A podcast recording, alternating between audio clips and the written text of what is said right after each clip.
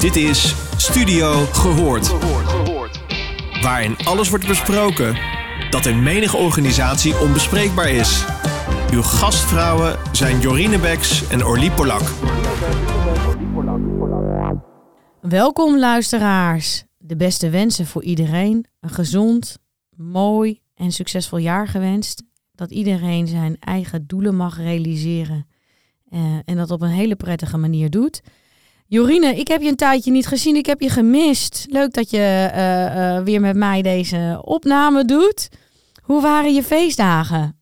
Nou, ik heb jou ook gemist hoor. En ik wens de luisteraars ook al het beste uiteraard voor 2022. Dat je aan het eind maar vol voldoening mag terugkijken. Ehm, mijn feestdagen, wat ik al heb gezegd, ik zat eh, tussen de oliebollen. Dat was allemaal hartstikke lekker. Oud en nieuw was leuk met, met het mooie vuurwerk.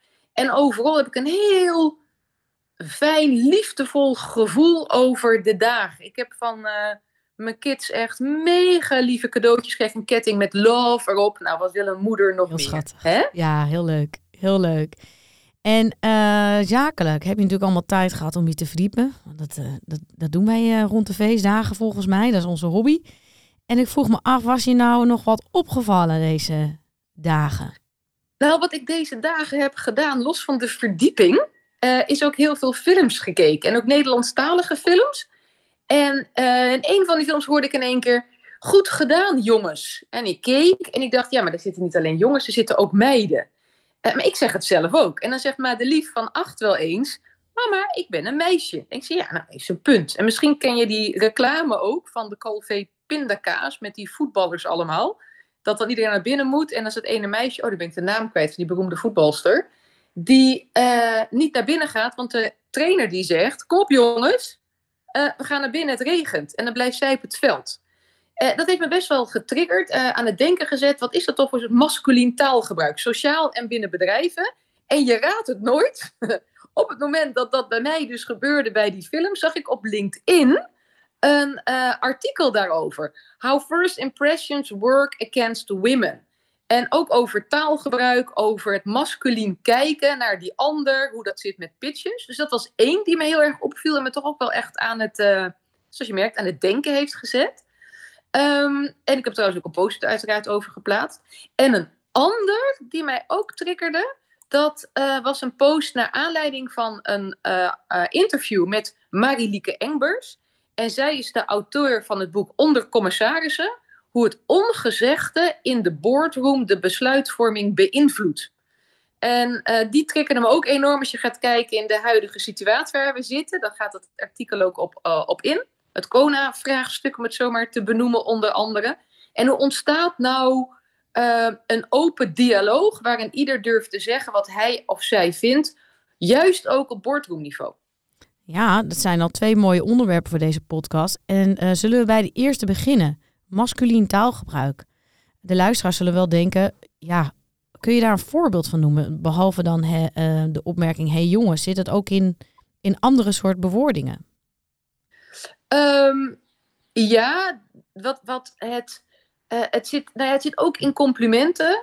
Of weet je, van die uitdrukkingen van Old Boys Network, One of the Guys. Eh, hey, dat is echt, eh, je bent echt een vrouw met ballen.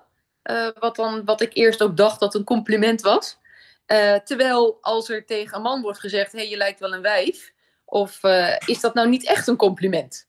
En het zit ook in hoe je een bedrijf stuurt, wat je belangrijk vindt, waar aandacht aan wordt besteed. Aan de, de harde doelen en tussen haakjes de soft, of hoe gaan we met elkaar om.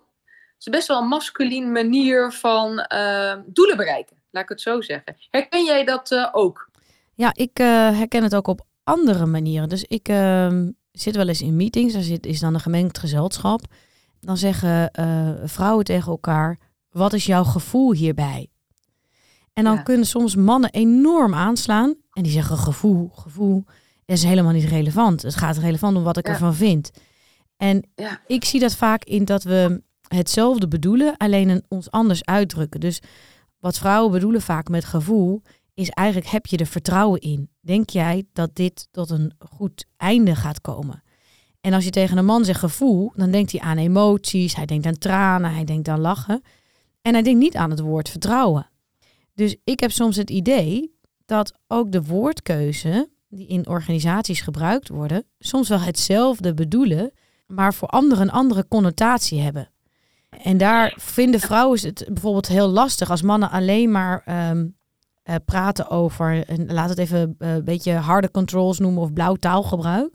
Dat je dan weinig het gevoel hebt dat het ook nog over mens gaat, of dat het over samenwerken gaat, of dat het over vertrouwen gaat. Dus dat het eigenlijk alleen maar over harde feiten gaat. Ja, wat je zegt ook alweer gevoel, hè? nu noem jij zelf ook natuurlijk ook weer het wordt het gevoel dat je het gevoel hebt waar, dat het over gaat. Kijk, het is voor mij ook niet dat, ik gebruik ook, hè, jongens, we gaan, dat ik net zei. Hè? Ik gebruik het ook in taal. En ik denk ook niet dat we moeten doorslaan erin. Maar ik denk wel dat het belangrijk is om ons er bewust van te worden wat het effect is in je, of qua taalgebruik in, je, in de huidige generatie, alle opkomende generaties. En wat jij ook aangeeft, het, uh, het toetsen. Vaak wordt er gereageerd op wat een ander zegt geïnterpreteerd vanuit je eigen uh, visie, vanuit je eigen perspectief en trek je een conclusie. Terwijl bijvoorbeeld gevoel nogal een belangrijke graadmeter is. En wat je ook aangeeft qua vertrouwen.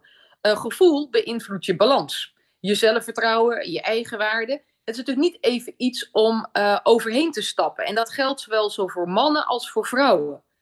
Dus het hele, uh, juist het onderwerp durf jij te zijn wie je bent, die voor vele mannen vaak niet, ja nog veel, ik weet niet, ik moet ook niet kort door de bocht uh, praten bedenk ik, maar wat ik nog wel eens meemaak is dat dan zeggen, ja dat is niet ter zake doende hier, want hier zijn we business aan het uh, creëren. Blijkt toch wel weer dat als je niet durft te zeggen wat je vindt, uh, het resultaat niet is zoals je zou willen dat het resultaat zal zijn ik heb een fascinatie voor het land Korea. Dat weet je misschien niet. Maar ik ben nu een serie aan het kijken, een Koreaanse serie. Een van de zoveel die ik al gezien heb. Ja, dat gaat, al, uh, het gaat over eh, twee mensen die een vriendschap willen sluiten. Hoe dat dan gaat. En op een gegeven moment dan uh, komen ze bij elkaar. Ten eerste is de benadering naar elkaar heel formeel. En het taalgebruik is heel keurig. En ze laten elkaar heel erg uitpraten, wachten heel erg en kijken en observeren heel erg naar de ander. En dan op een gegeven moment in het gesprek zegt de een tegen de ander: Vind je het goed dat we nou informeel met elkaar gaan praten? en dat gebeurt in elk gesprek. Dus elk gesprek, als hij zeg maar iets anders willen bespreken met elkaar, komt eerst het beleefde verzoek met een beleefde knikkende houding. Van vind je het goed dat we nu informeel met elkaar gaan praten? En je ziet heel erg dat cultuur beïnvloedt enorm je woordkeus. Dus uh, ook hun informele taalgebruik is helemaal niet zo informeel. Dat is voor onze westerse uh, ideeën eigenlijk nog super formeel. En ze praten heel vaak over emotie. En dat is zo opvallend als ik dat dan vergelijk met uh, mijn recente uh, bezoeken aan, aan, aan wat Duitse medebewoners op deze aarde, is dat totaal anders. De Duitse communicatie is hyper efficiënt. Gewoon direct gewoon het verzoek neerleggen. Geen beleefdheidsvormen. Uh, liefst nog in gebiedende wijs. Met een harde toon dat het duidelijk is. En het moet vooral heel snel. En ja, als je er, ook, ja, er zit ook wel hiërarchie in, hè? Want het is wel herdokter, weet je, of vrouwdokter, of hoe het heet, de vrouw van de herdokter. Dus er zit, uh, dat vind ik wel grappig wat je nou zegt. Uh, het is heel efficiënt. Um, maar het is dus ook wel top-down, hiërarchisch. Uh, ik vraag en jij rent. Als een soort logica. Andersom is die denk ik minder efficiënt. Ik kan niet, want je kunt niet even tegen die herdok zeggen of die even dit en dit wil doen. Want pardon. Nou, dit waren gewoon echt ervaringen met simpele winkelbedienders. Dus dat was echt. Ja, dat was echt. Uh, dus dat had. Ik dacht in eerste instantie, het heeft natuurlijk uiteraard veel met hiërarchie te maken. Ja. Het kwam op, op mij over als eigenlijk extreem agressief, heel erg onbeleefd. En toen dacht ik, maar ja. dat is het helemaal niet. Het is efficiënt. Het, is, ja, het is duidelijk en het is uh, verre van onbeleefd en agressief bedoeld. En toen dacht ik, wat een contrast in één week qua taalgebruik. Waarbij die Koreanen elkaar heel beleefd vragen: mag ik nu met jou het informele gesprek voeren? Ja, ja. Het had ook heel, heel schattig intiems, wat je dan ziet. Ja, ja, ja. oh, wat leuk. Wat, wat. En dan gaan ze dan over emoties praten. Wat wij in Europa helemaal niet zouden durven op die manier. Zeker niet in een eerste contact. En dan versus De Duitse manier van communiceren. Hap, papieren laten zien, dit laten zien, dat doen, zus doen en tak, tak, Ja. tak. Denk ik, ja, ik weet niet of het altijd masculien of feminien is. Het is ook heel erg van, hebben wij rust in onze cultuur? Of zijn wij heel erg gejaagd in onze cultuur? En ook eh, welke woorden gebruiken wij om onze doelen te bereiken? En dat is wel grappig. Ik denk dat je organisaties daar ook op kan klassificeren. Of in ieder geval kan duiden van wat voor type woorden gebruiken jullie nu? Ja. Weet je? Kijk, dan, dan, ja, dan, dan is het inderdaad type woorden, dus herkenning, weet je, in een cultuur bepaalde taal eh, die logisch is, of waar mensen zich ook fijn bij voelen. Maar om toch weer terug te gaan naar het masculien en feminien, ehm, het, het stuurt ook de grotere cultuur. Op het moment dat wij vinden dat een vrouw met ballen, dat dat iets positiefs is, en als een man emotioneel of wat verwijfd is, dat het negatief is, dan is in het grotere geheel stuur je heel veel qua gedrag. En dat is ook bijvoorbeeld als je gaat kijken naar omgaan met gezag. Dus ehm, als je kijkt hoe het normaal is dat je dus luistert naar bijvoorbeeld de leraar in de klas, dus dat is het idee. Ik kan me nog herinneren dat ik er wel uitgestuurd werd. En dat ik ook wel bleef zitten en dat ik zei, ja, ik ben het er niet mee eens. Ik ga er helemaal niet uit. En dat zo'n leraar echt dacht, ja, je kunt zeggen wat je vindt, maar jij gaat eruit. Want hij of zij bepaalde wat er gebeurde. En dus dat zit ook in ons hele systeem. Dus dat, dat, dat intrigeert me ook wel, die hiërarchie, plus taalgebruik, plus wat is daar dan weer het effect van? En daarbij dan ook weer het lef durven tonen het anders te vinden. En dat blijft natuurlijk interessant, want ook je voorbeeld van efficiënt taalgebruik in Duitsland. Wat nu als ik het niet plezierig vind? Kan ik het dan zeggen dat ik het niet plezierig vind? Of past dat niet, want dit heb je maar gewoon op te volgen?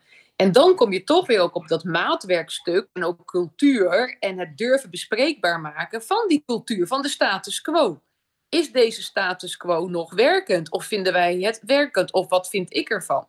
En dan kom je eigenlijk ook richting ehm, het boek Onder commissarissen van eh Marilieke Engbers. En wat ik wel grappig vind, is dat zij heeft haar dissertatie op 14 oktober 2020 verdedigd. Eh, en dat heet hoe het ongezegde de strategische besluitvorming in besturen beïnvloedt. Dus het ongezegde. Eh, en juni 2020 kwam het eerste boek van Hans van der Loo en mij uit over psychologische veiligheid. En eh, wat zij aangeeft, is juist die combinatie van eh, aanzien, dus hiërarchie. Durf je iets te zeggen tegen een ander? Eh, het opvolgen daarvan. Angst voor gezichtsverlies, dus de status quo. Durf je daarvan iets te vinden? Eh, en dat mensen het ook heel lastig vinden, directies of raden van bestuur, om conflicten aan te gaan. Dus ook om, buit, om, om ja, buiten de groep te vallen, als het ware. Een En- afwijkende mening. En zorgt dat ervoor dat er heel snel gepolderd wordt bij die commissarissen? Ja, het is natuurlijk hoe langer iemand er zit, hoe, dat, dat is ook uit het onderzoek naar voren gekomen, hoe meer mensen je om je heen verzamelt die toch wel hetzelfde perspectief hebben. Dan wordt het ook weer rechtgepraat met ze zeggen ook wel eens een keer wat anders, hè? want het organiseren van tegenspraak is ingewikkeld. Maar uiteindelijk blijkt het natuurlijk heel lang om wat jij zegt, dat polder, om die hete brei heen draaien. Maar wel met een heel mooi excuus. Dus dat vind ik ook wel eh, intrigerend. Ehm, als je helemaal kijkt naar het hele eh, OMT, het, het, de besluitvorming, dat uiteindelijk ook ehm, eh, Van Dissel had aangegeven. Ja, we willen eigenlijk geen gedragswetenschappers eh, erbij hebben, want dat vertraagt de besluitvorming. En er zit dus ook een soort overtuiging dat als je andersdenkenden betrekt bij de besluitvorming, het leidt tot vertraging en dat nooit de bedoeling kan zijn. Nee, want dan krijg je een ander idee waar je verder over moet praten. En wat je misschien moet meenemen in je, in je besluitvorming. Ja, nou en, en daarbij is het ook wel weer eh, interessant. Kijk, dat er verschillende perspectieven zijn, het betekent niet dat je altijd consensus moet bereiken. Weet je, ook als je gaat kijken naar inclusie, weet je, als je zoveel diversiteit hebt, dan gaat het, dan inclusie gaat niet er, erover dat je het met elkaar eens bent, maar dat je het erover eens kunt zijn dat je het niet eens bent. Maar ook dat je wil begrijpen wat de overwegingen zijn, of de ideeën, de perspectieven van die ander. En dan juist ook de opvattingen van de minderheid. zodat je uiteindelijk ook uh, de effecten of risico's van andersdenkenden mee kunt nemen in je besluitvorming. Oftewel, begrijpt wat de risico's zijn of de gevolgen van wat je kiest. Maar wat ik jou ook hoor zeggen is dat, uh, eigenlijk gaat het over de theorie van uh, Irwin Goffman van ja, feeststrategieën, dus gezichtsbehoudende strategieën. Ja. En, en dat probeert natuurlijk psychologische veiligheid te overkomen. Het doet me ook heel erg denken aan het uh, boek van uh, Jackie Bressi, die ik aan het lezen ben over Ja. authentiek zelfvertrouwen. Waarbij zij zegt, Ja. als jij heel erg uh, feestgeoriënteerd bent, dus je wil vooral geen risico's nemen om, om gez- gezichtsverlies te lijden, dan eh, is het heel lastig voor jezelf, ook al heb je een psychologisch veilige omgeving, om jezelf uit te spreken. Dus die, Ja. die cultuur waarin je. En dat is, raakt toch wel weer jouw vak. Want die cultuur zorgt ook dat die, die angst voor gezichtsverlies versterkt wordt. Dus ja, het komt ook uit jezelf, uit ervaringen die je meeneemt. Dat geloof ik echt. Dat komt ook uit je zelfvertrouwen en uit de Ja. context. En ook het gevoel van, heb ik hier wel genoeg kennis van? Mag ik hier wat over zeggen? Ga ik niet op mensen hun tenen staan? Weet je, voelen mensen Ja. zich niet beledigd? En de andere kant is natuurlijk ook de cultuur die dat of vermindert, dat gevoel, of enorm versterkt. En het grappige is ook, nou grappig, interessant is ook, hoe je dat zelf als ehm, CEO, directeur, weet ik wat, eh, bestuurder, organiseert. Weet je, hoe ehm, langer, hè, je, zeg maar, hoe langer je eh, de, de bestuurders hebt dat die blijven zitten, hoe langer eh, ze aanblijven, hoe groter het risico op zeg maar, dat zonnekoning of zonnekoninginnen gedrag. Ja. Want dan heb je dus al die tijd en de macht om mensen om je heen te verzamelen die op je lijken. Ja. En dan denken we ook nog wel eens, wat ik net al aangaf, dat het dan ja-knikkers zijn. Maar het gekke is, dat is ook zo ingewikkeld. Dan zijn wel mensen die ook iets anders vinden, maar ze denken vanuit hetzelfde paradigma. Ja, Dus- precies. Uiteindelijk eh geeft ze heus wel eens een keer een weerwoord, maar ondertussen hebben ze precies dezelfde blinde vlek als de leider. En, dat, en wat ik ook heel erg leuk vond daarin, in het onderzoek van haar, van, is dat heel grappig woord, paradigmaverkleving. Ja. Had je er wel eens van gehoord of niet? Nou, ik denk dat ze gewoon bedoelt in Jip en Janneke eenmansworst. Nou ja, wat het is, is iemand die zeg maar van paradigma verkleefd is. Die gaat, eh, die gaat zeg maar jamaren. Dus als je dan iets vindt, nou ja maar, weet je zo. En vervelend reageren bij weerwoord.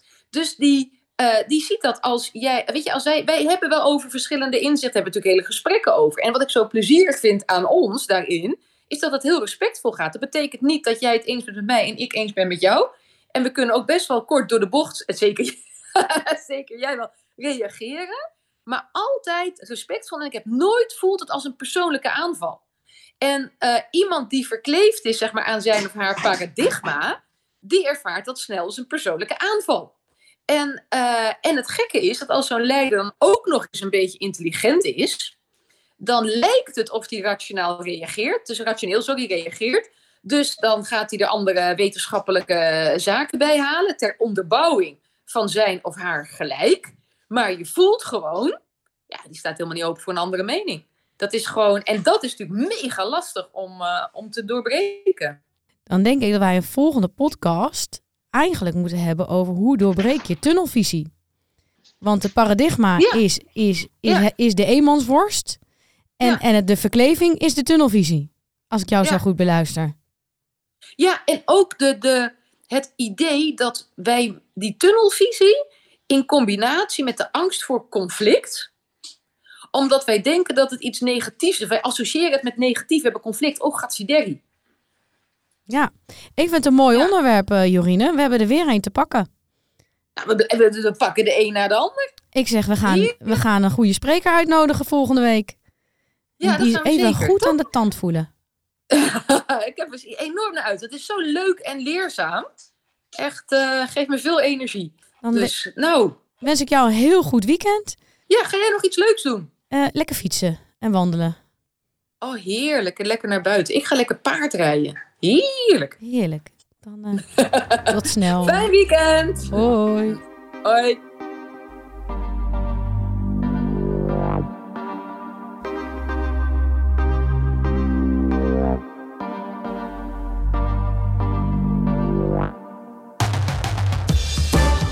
Je luisterde naar Studio Gehoord. Vond je dit een leuke podcast? Laat dan een review achter bij jouw favoriete podcastplatform. Tot de volgende!